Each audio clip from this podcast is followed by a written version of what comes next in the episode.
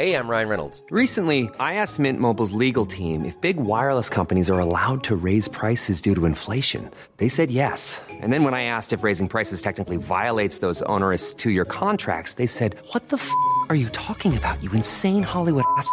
F- So to recap, we're cutting the price of Mint Unlimited from $30 a month to just $15 a month. Give it a try at mintmobile.com slash switch. $45 upfront for three months plus taxes and fees. Promo rate for new customers for limited time. Unlimited more than 40 gigabytes per month. Slows. Full terms at mintmobile.com.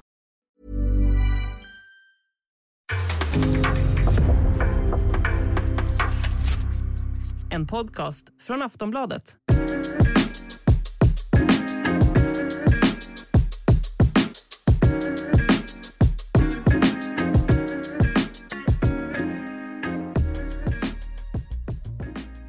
Allsvenska podden är tillbaka den här veckan och det är lika fullspäckat som vanligt. Det är jag, Daniel Kristoffersson och eh, Boman som kör den här veckan då Linn är på resande fot i eh, Spanien va, med eh, Erik Niva. Uh, och eh, vi går direkt på lite silly-nyheter här. Anton Tinnerholm, vad jag har hört, överens med Malmö FF och uh, om det inte sker något väldigt uh, märkligt här Eh, så kommer han att ansluta till Malmö FF eh, inför säsongen 2023. Och eh, om jag ska, ja, får väl jag säga då att det känns som en rätt eh, logisk värvning av Malmö FF. Han har var väl skadad tidigare men kör på nu. Han gjorde väl 90 minuter när New York FC vann mot Miami i natt här i eh, MLS-slutspelet mot Beckhams Miami eh, med 3-0. Eh, så hans formkurva verkar uppåtgående. Och få en sån karaktär som Bosman bara, inte så gammal, 31 år. Känns rätt bra. Känns som det behövs fler sådana spelare i Malmö.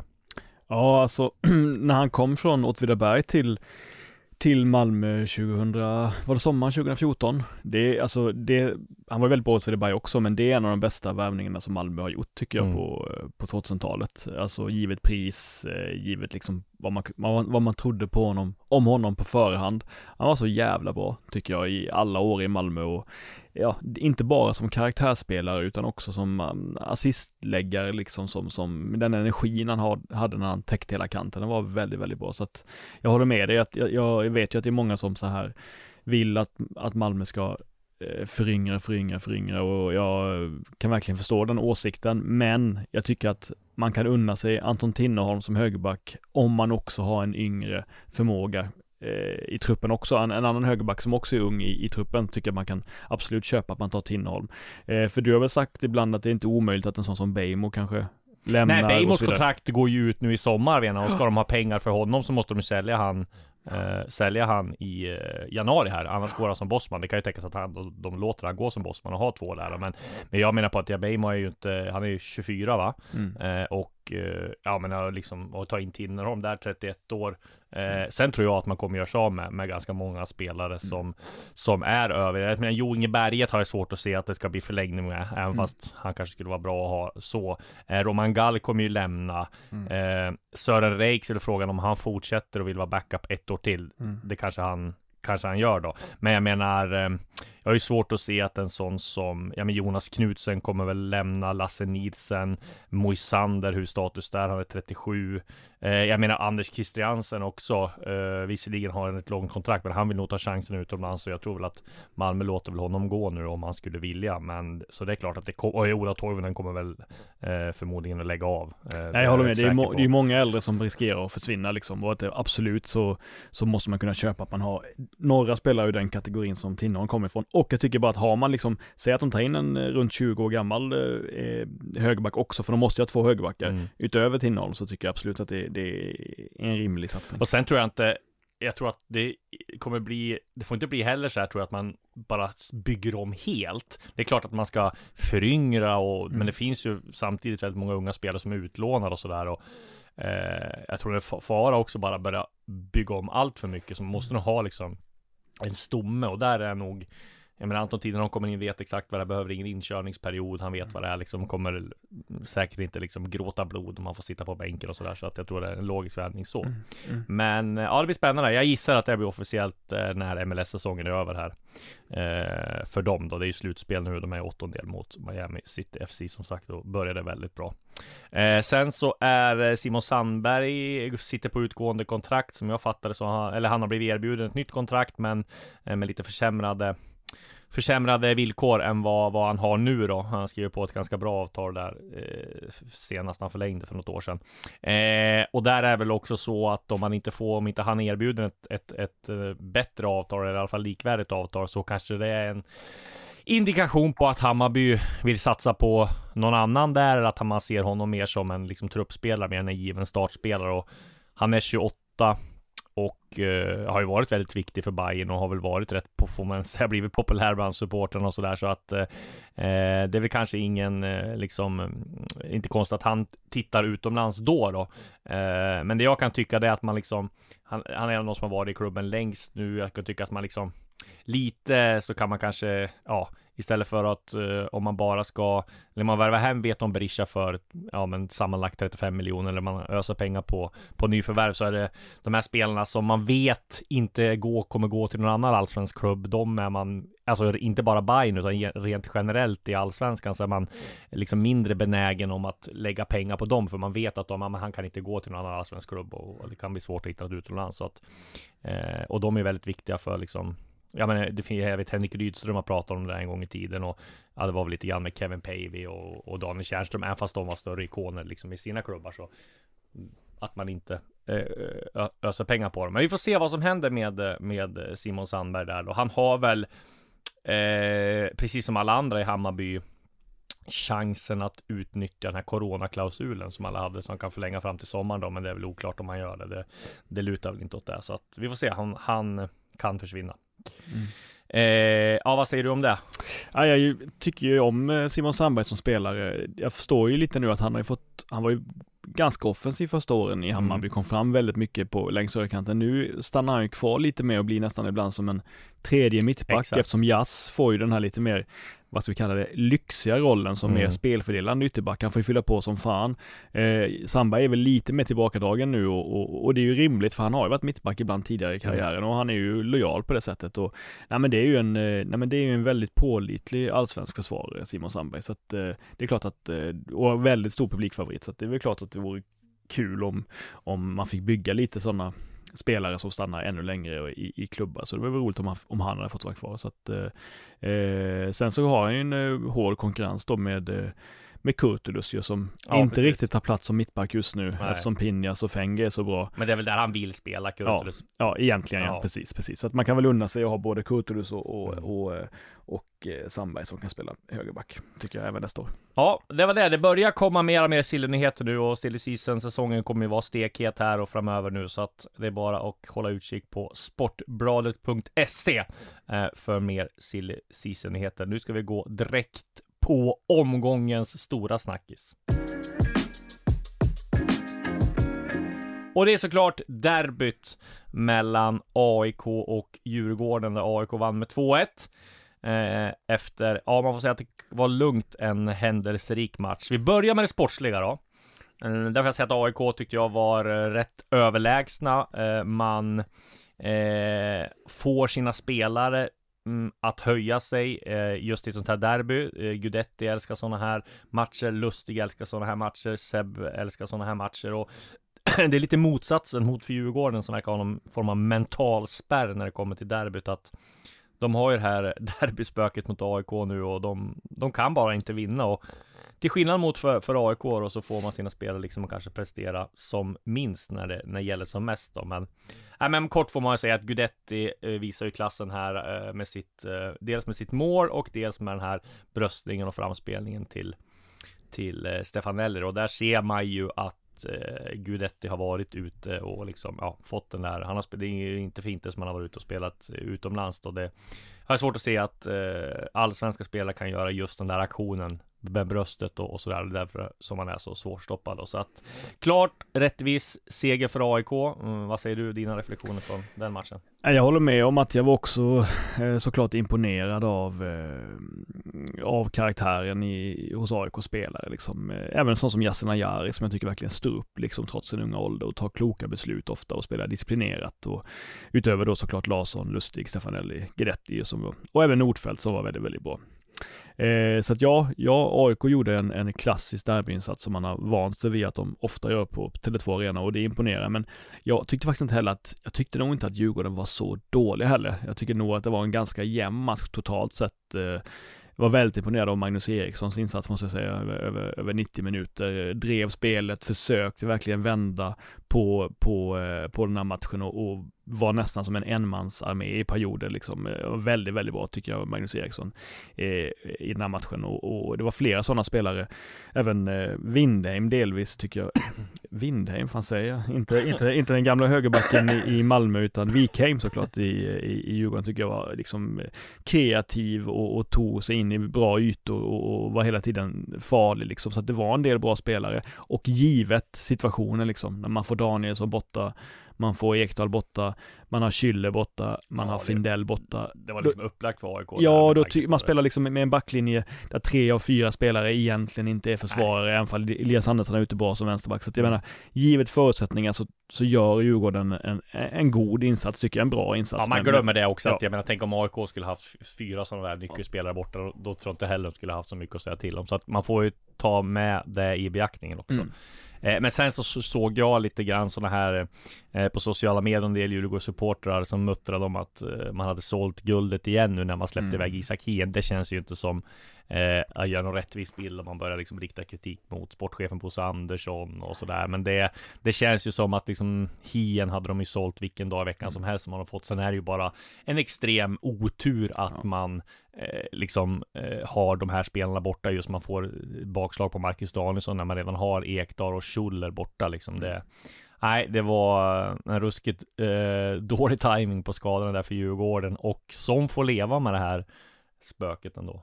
Ja, eh, man ska liksom, det är klart att Piotr Johansson var mittback en del i Kalmar, men det är ändå mycket att begära av honom att han ska gå från att varit, spelat varje match som högerback ute Ja. jäkligt bra, så ska han plötsligt pl- pl- eh, tussas in i mitten med Jesper Löfgren som också är relativt osäker. Så att eh, lätt var det ju inte, lätta förutsättningar var det inte för Djurgården. Nej. Vad säger vi om det här då? AIKs eh, studsar ju med nu och eh, vi kan ju reflektera lite över att Djurgården har kanske varit ett av de mest hyllade lagen den här säsongen. Mm. Det ska de ha med tanke på att de har gjort det extremt bra i i eh, Europa och eh, de går vidare nu också så det är ju eh, bara att lyfta på hatten där och de är trea i Allsvenskan.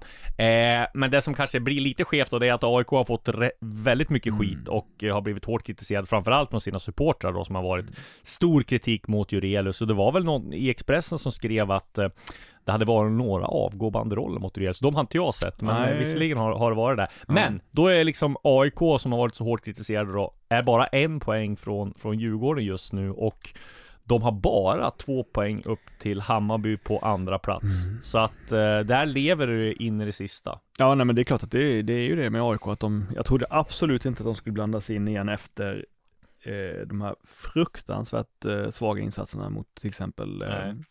Varberg borta och sådär. Och delvis även Dege, Degerfors hemma. Och sen Sirius borta. Efter, efter de misslyckandena så trodde inte jag att AIK skulle blandas in igen, så hatten av för det, att de har lyckats göra det, det är bra. Framförallt med Milosevic skadad också, Ja. blir borta hela säsongen. Men med det sagt så tycker inte jag att Djurgården har fått för mycket beröm liksom. Nej. Om, nej jag vet att du kan, du kan Ja, tycka det disco, men om folk tycker, om folk tycker att, att Djurgården liksom har bli- blivit för hypade så jag trodde aldrig att de skulle kunna Nej, hålla ihop med både allsvenskan och Europa den här hösten, för att de har aldrig varit med om det tidigare. De har en de har 15-16 riktigt bra spelare, men de har inte den bredden som till exempel Malmö har, även för man inte har märkt det på Malmö i år, så har de inte så pass många spelare Nej. för att liksom hantera skador. De hade ju en situation där de inte hade så mycket skador och då, då går det ju, men när det väl börjar när det väl börjar fyllas upp med den typen av problem, då, då blir det ju bekymmersamt. Så att jag tycker inte man kan vara särskilt kritisk mot Djurgården att de inte lyckas hantera det här dubbla spelandet fullt ut. Jag menar, de, de tar sig vidare till, grupp, till slutspel i, i, i, i ECL med två matcher kvar att spela av gruppspelet. Det är jävligt bra gjort. Mm. Och jag, eh, ja, jag kan liksom inte kritisera dem för att de inte lyckas orka hålla uppe spelet även i, i allsvenskan fullt ut. Nej, vi får se. Det blir en ruskigt spännande avslutning nu i alla fall då. Eh, om vi går till lite mer tråkigare så var det ju stökigheterna som började med fem minuter kvar. Och det är väl fortfarande oklart hur det börjar. Jag skrev ju en tweet där, vilket man aldrig ska göra, eh, där jag skrev, jag skulle beskriva vad som hände och då såg det faktiskt ut som det var den här bengalen som slängs från eh, AIKs sida eh, mot att det var det som startade upp alltihop. Men eh, det var lite slarvigt tweetat mig det som jag tog bort för att eh, det var ett knallskott också som man nu inte vet var det kom ifrån. Det var fortfarande oklart eh, exakt vad det var som hände, men det var det knallskottet då som, som eh, började det hela. Men sen om det kom från AIK eller Djurgården-sektionen, eh, det vet man inte och det var lite otydligt i den här artikeln med Mats eh, Jonsson också då. Men det är väl lite skitsamma var det började. Det är ju bara så sorgligt att det ska slängas bengaler och eh, Nej, det, det, har ju blivit lite för mycket den här säsongen och jag är ju rädd. Framförallt så tänker jag på alla liksom, eh, jag menar barnfamiljer och, och, och liksom i, inte de här liksom kanske vanliga supportrarna om man tänker som som som eh, avskräcks från att gå på på fotboll från det här. För jag tror att det, det kan bli Eh, och att framförallt att man är ju rädd att någon ska bli skadad. Det är där framförallt det ska liksom Det ska komma in någon bengal på någon eh, ja, men person och, och skada den. Det är där man tänker på i första hand. Eh, men sen också konsekvenserna som blir att jag tror ju att Eh, ja, men dels så har vi en regering som ska införa hårdare tag och men jag ser väl ingen anledning till att fotbollen skulle vara förskonad från det och då kan det bli så att det blir spel inför tomma läktare och att mm när man börjar få den här debatten som kommer upp igen. Så att... Men det är några eh, huliganer som, som förstör för den stora massan liksom och det, mm. det är tråkigt för det var ju, ska vi säga, extremt fina tifon. Det var en mm. jättefin hyllning till Haris Radetinac. Det var en, ett bra liksom tifo från, från AIK-supportrar och sen så bara kommer det här som ett, som ett eh, rejält bakslag där i 85 minuten. Så det var, det var sorgligt att se. Ja, jag har funderat mycket på, på, på det här och jag, liksom vad det beror på att det blivit mer så. Det finns ju en snack och diskussion om att det är så här i hela Europa just nu efter mm. pandemin, att det har blivit en sån utveckling och ja, så är det ju. Men jag tror också att det finns någonting inom just, men specifikt för just svensk fotboll, att det har blivit så ganska mycket här under säsongen. Mm. Och jag tänker att jag vet inte, det kanske, jag kanske har fel så, men jag upplever att några av de värsta risksupportrarna känner sig liksom lite uppmuntrade och sporrade av den diskursen som finns kring supportkultur i Sverige, att man Ja, att man får hela tiden höra så här, fotbollen är egentligen dålig, det är publiken som håller världsklass. Allsvenskan är ingenting utan sin publik och ibland även från ganska många får man höra snack som att man måste acceptera lite stök och gränslöst beteende ja. eftersom det är en del av en dynamisk kultur. Det är en del sånt snack, ja, eller hur? Absolut. Och till slut tror jag att det finns ett rätt stort antal människor som tycker att den här röda vita rosenleken de håller på med på läktarna eh, som riskerar att skada oskyldiga, att, eh, mm. liksom att, det, att, det, att det är viktigt mm. och att det är det här pubertala snacket om att man ska stå upp för sin läktare och stå upp för sin arena, försvara sin arena. Jag tror att det är ganska många som faktiskt tycker att det är viktigt numera eh, och att de delvis uppmuntras av den typen av diskurs och snack som finns runt supportkulturen. Eh, och dessutom så, jag håller med dig, det är klart att det i grunden är en minoritet som står för de här sakerna som gör de här jävligt dumma grejerna med att kasta megaler och knallskott mot varandra. Men, men det är också så att eh, sorgligt nog så var det ju så att stod, ganska många ur, ur ståplatsläktarna ja, applåderade ju det. Applåderade det. Alltså det är så idiotiskt. Ja, applåderade och jublade ja. faktiskt när det kastades bengaler mot varandra och mot folkmassor. det, det var det en del människor som, ganska många människor som applåderade och jublade. Ja. Och då kan man inte säga heller att det är helt isolerat. Förr i tiden så upplevde jag att väldigt många direkt började skrika ut med packet och sånt, när sådana här grejer hände. Men jag tycker faktiskt inte att det är lika mycket så längre. Så att eh, det, det, är lite större än bara några, några enstaka tycker mm. jag. Nej men och sen det är ju helt IQ-befriat att kasta bengaler liksom in mot, ja men dels i, de, i klacken och dels mot liksom läktaren där sitter familjer och sådär. Nej, det, mm. det, och där tror jag, det enda som kan få stopp på det här, det är liksom självsanering. Och det mm. såg vi att det, det har funkat förut med självsanering tidigare, mm. när det var eh, man såg att det var liksom eh, supportrar som liksom gick in och markerade, kanske lite för mycket, men man gick in, det blev slagsmål liksom internt och jag tror att det är det enda sättet att få stopp på det, det är att man, man rensar det liksom internt och att, att det görs nu. Förhoppningsvis så blev det här eh, liksom en veckaklocka nu för att kommer det här fortsätta och kasta bengaler, då är jag helt övertygad om eh, att det kommer bli restriktioner med eh, tomma läktare nästa år. Det, för att eh, sånt får inte förekomma. Sen var det en del slagsmål också, eh, liksom i, mm. ja, man har sett på bilder på mm på, ja men både på sociala medier att det var det, inte bara de här huliganerna som slogs, Nej. utan det var flera som slogs liksom på Ja, och det var ganska mycket ordningsvakt som fick ja, stryk liksom, exakt. som det vevades mot och sådär, ja. Eh, kanske även poliser. Ja. Så att, nej, eh, trist och vi hoppas mm. att, som sagt, att vi inte ska få uppleva det här något mer nu. Och eh, Mats Jonsson sa ju det också att eh, det blir ju så, anledningen till att det blir just nu, det är för att man ser att de här stökigheterna blir det ju oftast i slutet av säsongen när det är så mycket står på spel liksom. Att det är därför Mm. som det blir. Ja, eh, mycket trist. Vi lämnar derbyt och tar oss vidare till det här.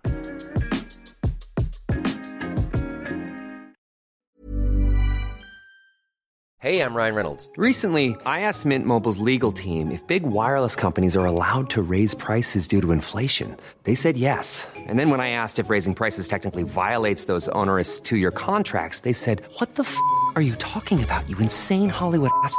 So to recap, we're cutting the price of Mint Unlimited from $30 a month to just $15 a month. Give it a try at mintmobile.com slash switch. $45 upfront for three months plus taxes and fees. Promo for new customers for limited time. Unlimited more than 40 gigabytes per month. Slows. Full terms at mintmobile.com.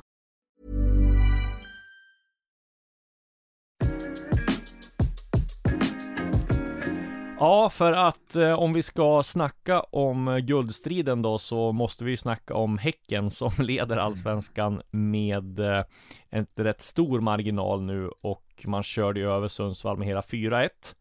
Eh, återigen en imponerande insats och det är eh, fem poäng ner till eh, Hammarby med fyra omgångar kvar. Vad tror du? Har de eh, gjort guldrycket eller finns det en chans att de kan tappa det här? Nej, det är klart att det finns en, eh, det finns en eh, chans eller risk beroende på hur man ser på det, att, att de kan tappa det, så är det ju, men det är klart att, att Häcken är stora, stora favoriter just nu och ja, men det som imponerar på mig hemma mot Giffarna var ju det att man, att man trots den här kvitteringen från Pontus Engblom, som du ska snacka lite extra om lite senare, eh, eh, är lugna i andra halvlek. Ja, Att det är ett jäkla metodiskt eh, att de metodiskt trummar på som de gör i andra halvlek. Eh, det tyckte jag var, eh, det tyckte jag var intressant att se och det säger, jag vet att de har pratat så hela säsongen, Samuel Gustafsson och gänget, om att vi tror så mycket på vår spelidé, att vi blir inte nervösa. Vi tror så mycket på vår process och vi tror så mycket på att vi gör bra, vi vet att vi kan göra bra prestationer, så vi behöver inte vara, vi behöver inte vara så oroliga för liksom det kommande resultatet och det är ju, det är lätt att säga men svårt att känna. Men jag upplever att de faktiskt känner så när de Mm. spelar också, att det finns en nästan total trygghet i det här laget. Så att det, det är eh, jäkligt eh, starkt. Och det,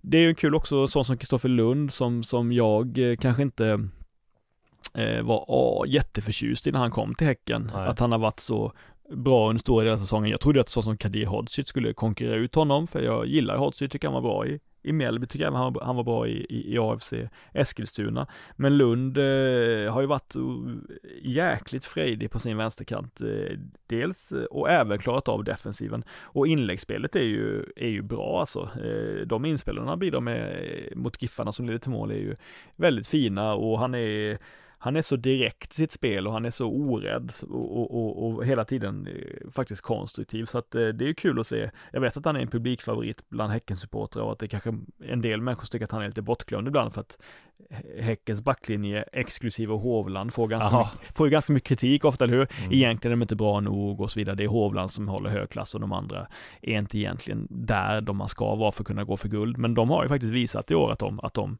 att de är tillräckligt bra för att spela i ett, i ett guldjagande lag och, eh, ja, och det är roligt att se. Men, titta på det här nu då. Det skiljer fem poäng. AIK Mm. möter alltså Häcken hemma på Friends. Ett AIK som man får känt, eh, visserligen har ett derby i bena i, från i söndags. Mm. Eh, men som har bra form och eh, ja, har bra självförtroende. Mm. Och Hammarby möter Sirius som man bara ska slå. Häcken torskar där, Hammarby vinner, då är det två poäng inför nästa omgång där Hammarby möter ett avsågat Elfsborg som inte har någonting att spela för, borta. Och där Häcken möter Malmö. Mm. Så att, eh, nej det känns som guldstriden lever där i allra högsta grad. Ja, ja, verkligen, verkligen. Det, Eh. det, det är ju det. Sen så, sen så är det ju, man funderar, det är ju det att Häcken har varit bra på det viset. De är ju, dels har de, har de inte förlorat på gräs i år, Nej. så jag tror inte de är livrädda för att åka till Friends. nej, det är absolut Dels är Sebastian Larsson avstängd, eh, och sen är det ju det här också, som jag inte vet hur mycket man ska ta i beaktning, det här med hur mycket AIK vill vinna mot Häcken. Med tanke på, eh, ja, Ja, jag med tanke vet. på att man ska inte, man ska liksom inte liksom uppvila eller liksom säga liksom, alltså, eller- anta att något lag skulle liksom prestera sämre än vad de kan, men det kan ju sätta sig lite i bakhuvudet ibland i alla fall att, att publiken är lite Tudelad. ambivalent, ja. Ja. exakt, till, till hur de ser på resultatet. Och likadant med Malmö nu, Malmö som ju spelar bort sig mer och mer från eh, topp tre. Eh, åka och möta Häcken borta på konstgräs eh, och ett lag som, ja, mentalt checkat ut lite upplever man. Det är inte säkert att de brinner för den matchen heller. Så Nej, lite, men- lite sådana grejer kan man ta i Men jag beaktning. menar Malmö måste ju ändå spela för någon form av heder nu Ja. också. Tänk, alltså Göteborg är bra, alltså Malmö är sexa, de kan, li- Mm. de kan lika gärna sluta sjua. Alltså det skulle vara ett sånt gigantiskt fiasko Ja, så som liknar Så ingenting. Det köper jag. Eh, så att jag tror nog att man måste spela för sin heder där och det kan bli göra att man, man får den där sista motivationen. Mm. Däremot så tror jag också att AIK vill komma, de har liksom, de ska utmana Djurgården, de vill inte spela något SM-guld till Hammarby eller Djurgården, men de vill ändå komma före dem i tabellen och då har de ju alla chanser att göra, det skiljer två poäng upp till Hammarby. Mm. Så är det. Så det är det klart de måste, de måste gå för det. så är det. klart Absolut. Eh, ja, som sagt, Häcken i förarsätet och ja, vi var väl många som trodde att det här skulle inte hålla i sig, men det var väl sen några omgångar sen så så fattade vi att det skulle hålla i sig för Häcken. Om vi då går till just Malmö som vi var inne på, som får vi säga är på väg mot en fiaskosäsong. Visserligen ett cupguld, visserligen eh, Europa Leagues gruppspel där man nu, nu har åkt ut och sålt spelare för 100 miljoner. Det skulle vara väldigt många klubbar i, i allsvenskan som skulle vilja vara, eh, vara i den positionen. Men med tanke på kraven och med tanke på värvningar man gjorde inför säsongen och laget man hade eh, och att man fått, behövt sparka en tränare, vilket inte har gett någon effekt alls, snarare tvärtom. Så får man ändå säga att det är en fiaskosäsong för Malmö om man skulle missa topp tre och det är ju ett ännu större fia- fiasko om man skulle komma sexa. Ja, jag tycker inte, ja, ja det finns, inget, det finns ingenting att eh, linda in det. Det är, det är för jävla dåligt alltså. Mm. Det är eh, fruktansvärt svagt och inte ens utmana och knappt ens kunna orka utmana om en topp tre Det var länge plats. sedan de utmanade om guldet, det har, nej, det har väl knappt varit. Men alltså, så de misslyckades utmana om Ja. guldet? Eh, Ja. ja. men det 2015 eh, är väl... Jo men jag tänkte på den här säsongen. Har de varit med i någon guldstrid Ja, på men riktigt? när, det var ju när Milos fick sparken var de tre Ja. poäng bakom och jag, Ja, och jag kände också någon gång där i början av, gå, liksom. början av sensommaren så upplevde jag ändå att men nu tror jag ändå Malmö kommer komma igång liksom. Eh, jag måste säga att jag har överskattat Malmö totalt. Ja, men det är väl alla jo, men jag, jag tror jag mer än andra. Jag är hela Ja, tiden okej. så här, men snart kommer de igång, Ja. liksom, snart kommer de igång. Jag liksom litar på grundkvaliteten hos spelarna och tänkt att det kanske inte spelar så stor roll vem som tränar laget och sådär. Eh, och eh, jag har helt fel givetvis, 100% fel. Eh, nej men det är, det, det är, går man till gruppspel i Europa, då är det acceptabelt för Malmö att inte vinna guld om man åtminstone utmanar in i det sista om Ja. guldet. Alltså jag tycker inte ens att det varit okej. Säg att Malmö legat på tredje plats och varit 10 poäng bakom guld, men, men plockat en Europaplats. Det det hade har också också varit ett misslyckande. Så att jag menar, Malmö måste utmana om guldet varje år, oavsett hur det går i Europaspelet. Och jag, att man inte ens utmanar om Europa nu är pinsamt. Och det här uppgiften om att Åge skulle ha fått ett kontraktsförslag Ja. på bordet slog ju han ner direkt och det, Ja. det lät konstigt redan från början Ja. med tanke på att Nej, det känns inte alls som, som att Malmö skulle liksom sparka en, en Milos som man trodde långsiktigt på att ta in Åge som en kortsi, kortsiktig lösning. Och sen så ger han ett kontrakt till. Det känns ju, nej det känns märkligt. Så att, Jag tror inte han har kraften i sig. Nej, det tror inte jag heller. Och den här riktiga, de måste ju ha någon riktig som är motiverad. Det är klart Ja. att Åge kan komma, skulle komma in nu och, och bara kört och få liksom liv i dem. Det har jag misslyckats med uppenbarligen. Det kanske alla hade misslyckats med. Han sa ju det Mm. i intervjun med Discovery också, att spelarna är väldigt slitna. De har spelat väldigt många matcher. De Mm. kanske hade lite övertro på det här att de skulle träna så mycket på de äldre spelarna. Jo. Eh, och då kanske man skulle haft en yngre trupp, så man kanske skulle haft lite mer anpassning där. Men Mm. samtidigt, nej, eh, tränarbytet har ju varit allt annat än lyckat får vi säga. Mm. Och medan vi, vi sågar Malmö så måste vi ändå hylla Blåvitt som gör en taktiskt väldigt bra match. Ingen eh, supermatch, men man har ju Gustav Svensson och sådana där spelare som, som sliter hårt och på en dålig gräsplan där man har publiken med, med sig så, så lyckas man vända trots ett mål i baken i andra halvlek. Det ger ju någon form av tro på någonting i Blåvitt. För hade man torskat sin femte raka där eh, och legat liksom eh, på åttonde plats, då tror jag att då hade det varit många som hade, nu vinner man ändå mot ett lag som Malmö, man har chansen att och liksom, ja men komma i alla fall sexa då, och det, ja det är ungefär vad jag trodde Göteborg skulle komma den här säsongen. Ja, alltså ligger de, ligger de sexa är det relativt bra placering för Malmö. Ja. Eller för Blåvitt. Ja. för Blåvitt. Eh, absolut, jag, tror- jag tror de skulle komma mellan sjua och nia kanske. Mm. Men, men... Ja, eh, de är sjua nu, de har tre poäng ja. till Malmö, de kan komma sexa. Ja, ja. ja men det, det, det jag tänker på eh, med Blåvitt är väl, eh, alltså jag, jag håller med dig, det är klart att det finns en, finns en styrka i att komma tillbaka efter de här, eh, efter den här förlustsviten och att Salomonsson var, var bra tycker jag, Norlin var bra, eh, Kalle Johansson var bra, Gustav Svensson var bra, jag håller med om det, men totalt sett tycker jag att den där matchen handlar mycket, mycket mer om Malmös misslyckande Ja. än om Blåvitt, vad, vad Blåvitt lyckades med. Mm. Eh, det, det, det, det säger tyvärr mer om Malmös kris och, och Malmös svaghet än, än Blåvitts styrka. Mm. Jag menar att det finns ändå, alltså de Ja, ja. anger någon form av tro att de är bra Självklart, att bygga självklart. vidare på liksom. Det köper jag. Eh, och sen har det ju varit uppgifter här om Hossam Aiesh från Mm. Expressen som säger att han eh, blev förbannad och, och drog hem från en match. Men han menar på att han bara skulle ut och träffa sin flickvän som var, som var gravid och eh, eh, det blev ju eh, så att han inte spelade mot Elfsborg där va. Mm. Eh, och ja, men klart är i alla fall, fall, alla fall att Hossam Aiesh kommer lämna efter säsongen enligt Expressens uppgifter då. Det känns väl rätt logiskt med tanke på att han har inte varit eh, startspelare nu på slutet va. Eh, har han gjort två mål och ett assist den här säsongen. Jag såg Ja. att det fanns uppgifter om att både AIK och Hammarby skulle vara intresserade. Vad jag har hört så, så är det inte aktuellt med något av de lagen utan eh, de har andra spelare som, som de går för. Så att eh, Aiesh kommer nog inte hamna i vare sig AIK eller eller Hammarby får väl se om man går till, ja men Danmark känns ju väldigt logiskt för honom. Eh, skulle jag tippa på. Ja, nej men Aiesh, eh, jag menar alla som såg honom när han var som allra bäst i Östersund vet ju att det här är en spelare med en enorm högsta nivå. Mm. Men eh, han får ju ut det kanske sjätte, var sjätte, sjunde match så är på något sånt där, så att, eh, och det handlar ju delvis om att han satte sig i, satte sig i en klubb där han inte riktigt passade spelmässigt, aldrig har passat fullt ut egentligen spelmässigt, har haft liksom ett har haft perioder när han haft grymma övertag på sina försvarare men sällan lyckats växla ut det i poäng. Men visst, han har haft, men visst, och ibland har, han varit har han spelat på sin, på sin bästa nivå, men det har varit Mm. alldeles för sällan. Och han har aldrig känt riktigt som han har trivts fullt ut. Det har varit mycket fram och tillbaka med oklarheter och han har ju liksom aldrig känts helt nöjd med, med livet eller tiden i, i Blåvitt och alltid varit, känns lite som att han har längtat bort lite så att eh, det är väl bara fullt logiskt och rimligt om han, om han eh, byter klubb i vinter. Mm. Och eh, om vi ska gå in på Hammarby då så var det ju en otrolig överkörning av Mjällby. Matchen var ju över på, på en kvart 20 minuter där och det var eh, en eh, Lud Gustav Ludvigsson som gjorde mål igen. Joel Nilsson som har kommit in och blivit en eh, startspelare nu. Eh, och även Martin Cifuentes har hittat rätt. Eh, Bojanic ryktades vara skadad tydligen, eh, men sen gick Hammarby ut och, för han byttes i, i halvlek, men sen gick de ut och sa att det var ett taktiskt byte och att han inte var skadad, så det var en jäkla tur för, för dem då. Men eh, ja, vi har varit inne på Hammarby lite här och det känns som de av de topplagen är de som är mest på gång nu. Även fast de inte har tidigare då eh, kanske imponerat en del matcher så, så är de bra form. Jag tänkte på det när jag, förresten Mm. när jag såg jag såg eh, tabellen nu att de måste gräma sig otroligt över en del insatser Hammarby, framförallt det här skärmålet från Ajay här. Tänk om Mm. man hade fått två extra poäng där och det har varit en del matcher också där man har gjort en del missar som, som har varit tunga så att Ja, absolut. Med det sagt så, så, eh, så kan ju alla, eh, jag tror alla topplag kan hitta fyra, fem sådana Ja, så poäng, poängtapp som, som, så är, som gör jävligt ont. Ja.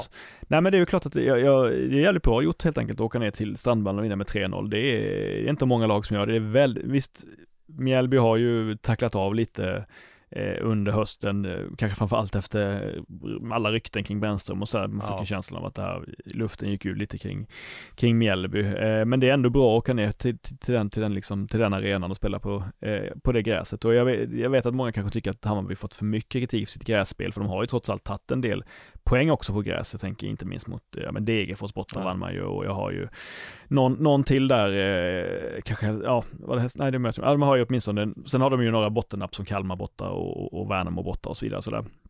Men, men, men, men det var nog ändå viktigt, viktigt för dem att känna att, att de kan spela så eh, kontrollerat och disciplinerat i en gräsmatch mot ett ganska grisigt lag som Mjällby. Det, det, det var, det var vasst gjort. Jag menar totalt sett tror jag Mjällby liksom vann bollinnehavet i den här matchen. Ja. Och det, det ser man ju sällan eh, Ja, Brännström sa i intervjun att han Ja. tyckte de gjorde en bra match, men det var konstigt att säga så när de förlorade med så mycket. Ja exakt, han menar att då, exakt det här, det var så ovanligt att de Ja. var bra på, på de delarna av spelet som Bayern brukar vara bra på annars, eh, medan Bayern var, var bättre liksom i de mer avgörande skedena på något sätt. Och det är ju starkt av Cifuentes, visar ju på någon typ av taktisk flexibilitet och att man, att man, att man kan spela på olika sätt i, i olika matcher och ändå få med sig hem ett, ett, ett, ett bra resultat. Så att, eh, nej, det var verkligen en signal om att, om att Hammarby är, verkligen går för det nu under, under hösten och det imponerar ju. Finns ju mycket att snacka om inför den här, eller efter den här omgången. Men Kalmar kan vi konstatera Mm. fortsätter imponera, vinner 3-1 borta mot Värnamo. Mm. Eh, och är verkligen med och slåss där uppe. De är fyra nu, en poäng efter Djurgården, två Mm. poäng efter Malmö, samma poäng som AIK. Så att, eh, ja, Ja, eh, såg- de kommer, Ja. Kalmar kan vi nästan slå fast nu, de kommer göra en su- succésäsong. Ja, de kommer komma minst femma, Mm. eh, för jag tror inte de kommer liksom haverera ihop och, Nej, nej, nej. och, och nu på slutet. Så att, eh, nej, vi har pratat om väldigt mycket om Rydström och lagbygget och sådär. Och det är bara fortsätta lyfta på hatten. Ja, jag såg matchen eh, där i lördags. Ja. Eh, jag tyckte att det var, eh, var lördags, tror jag. Jo, och det var ju, ja men det var, Värnamo sticker verkligen upp första halvlek, spelar bra, ganska bra, aggressiv, hård fotboll och sådär, ligger på gränsen liksom mot ett Kalmar som inte känns riktigt sugna på det på det sättet, inte riktigt sugna på att ta den typen av fighting-match som det ändå blev på, på, på den visserligen ganska trevliga gräsmattan där i, i, i Värnamo. Eh, och då kan man ju fundera så, fan var det, var det otur att de åkte på det där andra gula kortet liksom? Var det liksom, eh, ja, hade det, inte, hade det inte varit för det så hade de utmanat Kalmar hela vägen in till slutsignalen och sådär. Men jag tyckte Rydström sa bra det faktiskt att, ja men de satte sig också i den situationen genom att spela lite över gränsen, att gå på hårt hela tiden, att Ja. vilja skava på hälsenorna. Då hamnar man ju också i lägen där man riskerar att få ganska många gula kort och var inte tillräckligt eh, kyliga helt enkelt för, för att lägga sig på rätt nivå. Och det är ju också en del av spelet givetvis. Eh, och sen var det rätt sjukt att se hur bekvämt Kalmar spelade av matchen sen. Det var ju, det var eh, imponerande. Viss, visserligen de mötte ett lag som var Emma mindre, men, men, men Värnamo försökte verkligen organisera eh, pressspel ibland och försökte verkligen hitta en sista skjuts och energi för att eh, få till en forcering, men, men eh, Kalmar dödade ju allt, så att det var, var bra ut. Eh, Det var ju du som inspirerade mig att göra den här intervjun med Magashi. Mm. Eh, en av dina favoritspelare och jag tog i snack med honom. Han berättade dels om att han är på väg att bli svensk medborgare. Han berättade att han inte har eh, bestämt sig än om framtiden och det är klart det blir svårt för Värnamo och eh, behålla en sån spelare, 24 år och Bosman så här. Vilken annan allsvensk klubb skulle du vilja se han i om han nu väljer att gå till allsvenskan? Vart tror du han skulle passa bäst och vad tror du att hans kvaliteter skulle komma mest till sin rätt? Ja, det var ingen lätt fråga, alltså det var svårt alltså. Jag, jag gillar med honom att han är så jävla flexibel liksom. Han kan spela på, han kan vara en bollvinnare, han kan vara en bra pressspelare, han är finurlig med bollen, han tar bra löpningar, han tar väldigt bra beslutsfattande i passningsspelet liksom. Man kan verkligen lita på honom som spelare. Eh, sen vet jag ju fortfarande inte om det är så att något av dem allra bästa lagen kanske plockar honom på grund av det, men... eh, Typ som Malmö eller Ja, exakt, ja exakt, ja, ja, ja jag skulle... Hammarby har ju, det har ju för många. Nej men jag skulle ju kunna se honom, det här låter ju kanske ingen smålänning blir glad över och sådär att höra, men jag skulle kunna se honom i Kalmar faktiskt. Ja. Jag skulle tro att han skulle vara väldigt, väldigt bra i, i, i ett Kalmar till exempel. Så att eh, får man väl på käften nästa gång man är i Värnamo för att man, för att man säger så, men ja, Kalmar säger jag. Ja.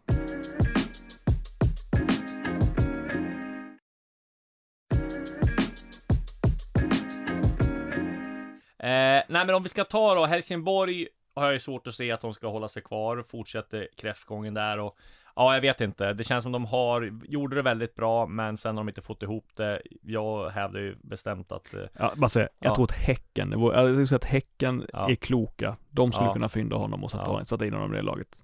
Häcken också. Ja, Häcken och uh, Värnamo. Nej men om vi går till, eh, till Helsingborg så tror jag väl de åker ur. Det är väl ingen Mm. vågad gissning. Vi var inne på det tidigare att Alvaro Santos och Mattias Lindström inte alls har fått ihop det i ett lag som jag tycker att man värvade väldigt bra här. Man värvade smart. Eh, man har gjort en del eh, bra drag där, men ja, det känns som lite, lite oerfarna på tränarsidan. De hade behövt lite mer erfarenhet tror jag. Samtidigt så finns det inte så mycket pengar i klubben heller, så ja, vad säger vi om Helsingborgs eh, säsong? Vad tror du?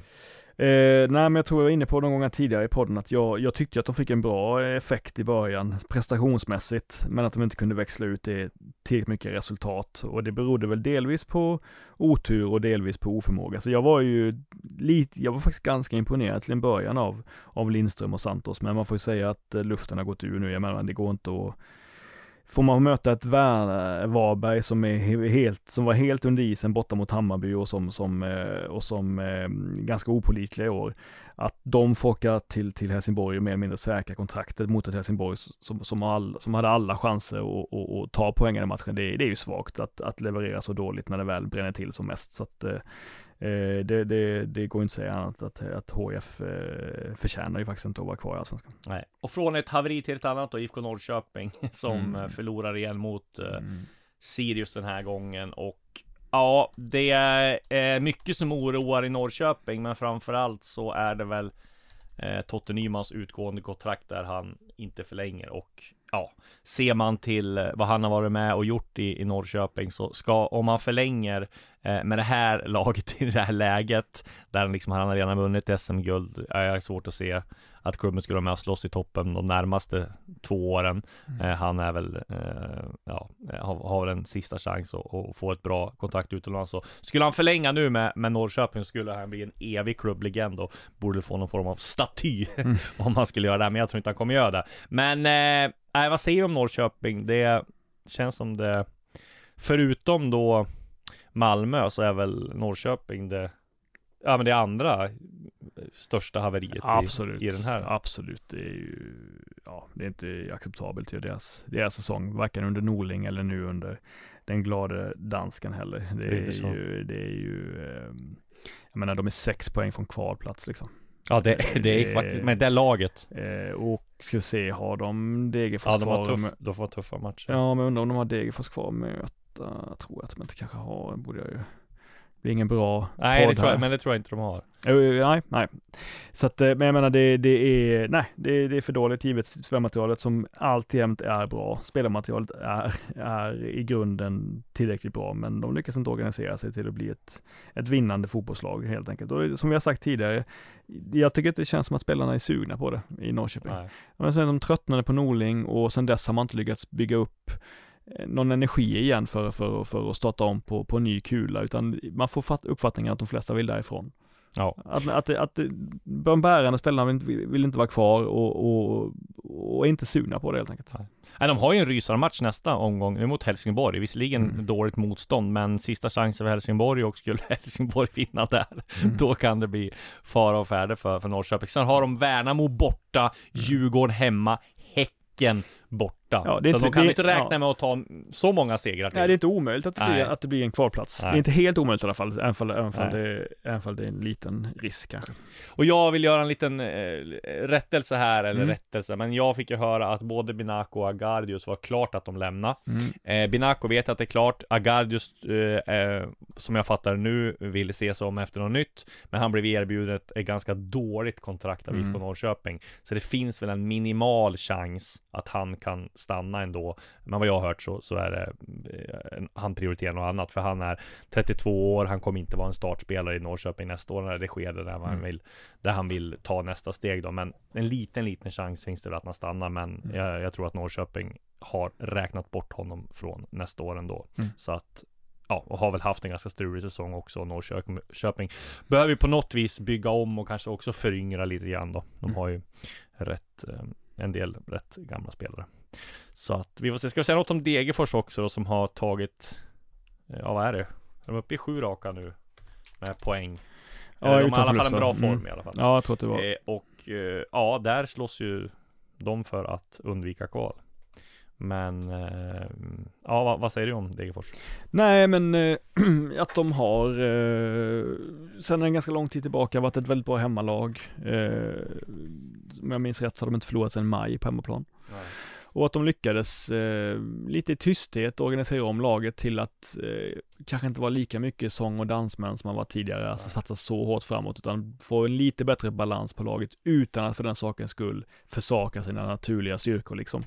Eh, så att, eh, nej, det var bra gjort. Var bra agerat att behålla tränarteamet som, som, eh, som jag menar, många hade ju Ja, verkligen. Där, Många- där får man ge en eloge till sportchefen Mm. Patrik Werner Mm. som Många hade gett upp på dem ju, exakt. Så att det var ju, det är bra, bra att få med sig den poängen borta mot Elfsborg också. Och de har ju goda möjligheter att slå Blåvitt hemma. Och sen har de, jag menar de har ju trots allt Blåvitt, eh, Helsingborg och Värnamo innan Mm. de avslutar mot Malmö. Och det är ju tre matcher som de alla kan, kan vinna helt enkelt. Så Ja. jag menar Norrköping ska vara, och både, ja, även Varberg då, ska vara ganska rädda för, för Degerfors. Ja, nu har ju det, eh, det är fem poäng upp till Varberg då som är på eh, säker mark för Degerfors och sen är det sex poäng upp till Norrköping då som har 29 och sen är det ytterligare sju upp till Sirius. Så att Mm. ja, nej, de har ju en upp, uppförsbacke när det gäller att klara kval. Men jag tror så här, vilket allsvenskt som helst som kommer på kvalplats kommer klara kvalet. För om superettan var usel förra året så är den ännu sämre i år. Mm. Så jag tror att det blir väldigt, väldigt svårt. Ja, eh, ska vi ta en kort framåtblick här nu då mot omgången som kommer? Det är ju mitt i veckan omgång här, match Mm. på onsdag och torsdag. Du ska på vilka matcher? Eh, på onsdag ska jag på AIK Häcken och Ja. på torsdag ska jag ner till Malmö för att kolla på Malmö Djurgården så det ska Ja. bli jättespännande. Fina omgångar. Jag ska på Hammarby mot Sirius eh, på Tele2. Det var ett tag sedan jag var på Tele2, eller på Tele2 och såg Hammarby ska jag säga. Mm. Tele2 Djurgården har sett. Så det blir eh, spännande där att- att följa toppstriden. Eh, och det var allt som vi hade för eh, den här veckan. Vi återkommer nästa vecka med ett nytt fullspäckat Allsvenska podden på återseende.